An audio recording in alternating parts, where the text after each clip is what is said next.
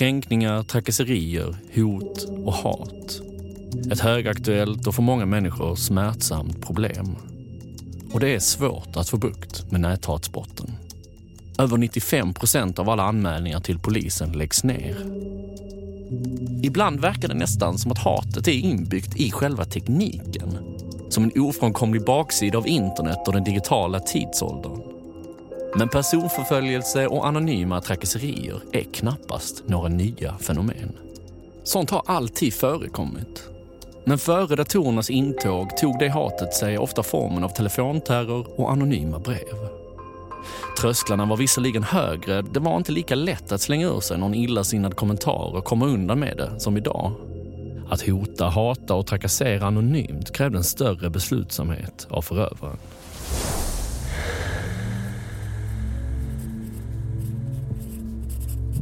På våren 1970 får en prästfamilj i Färjestaden på Öland en serie anonyma brev med mängder av kränkande, obehagliga och personligt hållna uppgifter. Familjen blir såklart väldigt upprörd och skärrad och landar i att det måste vara en sjuk människa som på det här sättet ansträngt sig för att pränta ner det hatfyllda innehållet för hand.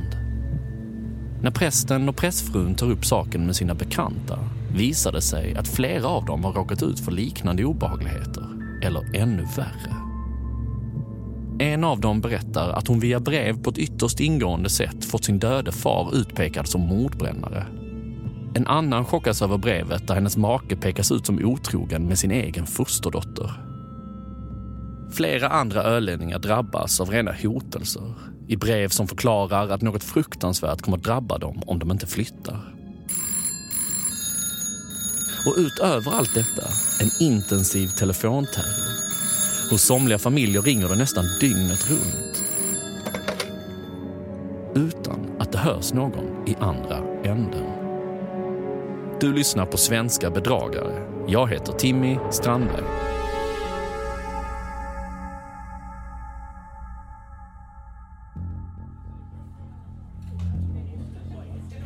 De anonyma trakasserierna blir till en stor fråga på Öland och tas upp av den lokala pressen. På ett offentligt krismöte låter några av de drabbade sina hotbrev skickas runt bland åhörarna så folk kan läsa. En av de närvarande, vi kan kalla henne Eva Strömqvist, visar ett anmärkningsvärt svalt intresse. När det blir hennes tur att titta på breven säger hon bara usch och låter dem gå vidare. Polisen kopplas in och gör stora ansträngningar för att försöka få tag på den anonyma telefon och brevhataren. Mängder av människor förhörs. I utredningen riktas vissa misstankar mot bland andra Eva Strömqvist. För det visar sig att många av breven postats från en brevlåda inte långt från hennes hem. Men misstankarna är så pass vaga att det inte finns något att bygga vidare på. Och ett tag verkar det som att polisinsatserna skrämt gärningspersonen, för de anonyma breven upphör. Men vid årsskiftet 73 till 74 är det dags igen. Prästfamiljen och åtskilliga andra drabbas ännu en gång av de pinsamma, hatfyllda breven. Och inte nog med det. Nu bombarderas folk dessutom av paket med varor som de inte beställt.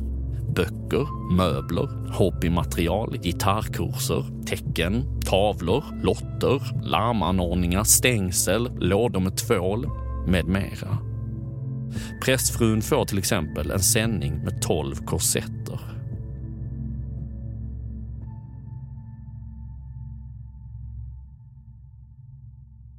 De anonyma breven och falska beställningarna blir rena epidemin och fortsätter i exploderande grad att strömma in under 1975. Det blir så påfrestande att det lokala församlingsarbetet får läggas ner. Och på ett nytt offentligt krismöte försöker förtvivlade människor att återigen komma fram till hur man ska få ett slut på de anonyma breven. Men mötet måste avslutas för att Eva Strömqvist på ett störande sätt hela tiden avbryter.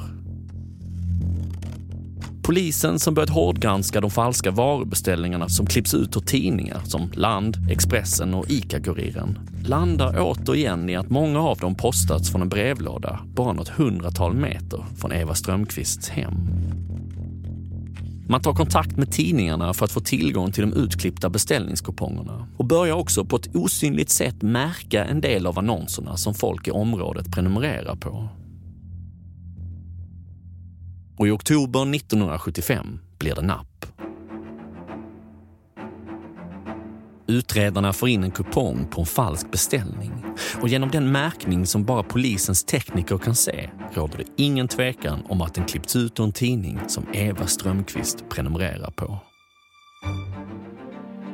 Åklagaren beslutar att hon ska höras som misstänkt och ger samtidigt order om husrannsakan. Och snart blir Eva Strömqvist delgiven misstanke om ofredande och oredligt förfarande. Eva Strömqvist förnekar blankt att hon skulle ha något med de anonyma trakasserierna att göra. Men när polisens tekniker jämför hennes handstil med den i de hotfulla breven framträder en slående likhet. Och även texten från hennes skrivmaskin överensstämmer med bevismaterialet. Kvitton och anteckningspapper som man hittar i Eva Strömqvists bostad går också de att knyta till hotbreven och de många falska beställningarna. Det råder ingen tvekan och hon döms mot sitt nekande till villkorlig dom. Därmed sätts punkt för en mångårig terror och de många ölänningar som utsattes för hennes hänsynslösa brev och telefonterror kan andas ut.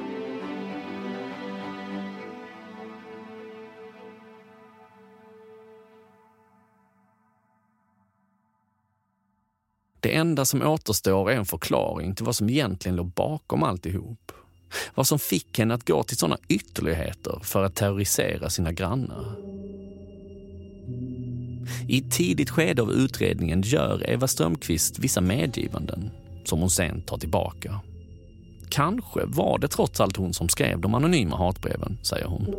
Men det var i så fall omedvetet. Det är väldigt dimmigt alltsammans. Kommer inte riktigt ihåg. Den enda antydan hon någonsin ger till en lösning på gatan är att hon känt sig utestängd från gemenskapen i den kyrkliga församlingen, vilket orsakat en depression. Om det nu verkligen var hon som låg bakom brevterrorn måste det ha skett i omtöcknat och berusat tillstånd av den antidepressiva medicin som doktorn skrivit ut, förklarar hon. Kanske är det så enkelt och samtidigt så svårt. En människa som i sin nöd och ensamhet börjar hata hela världen och i sin förbittring försöker slå tillbaka med kränkningar och hot.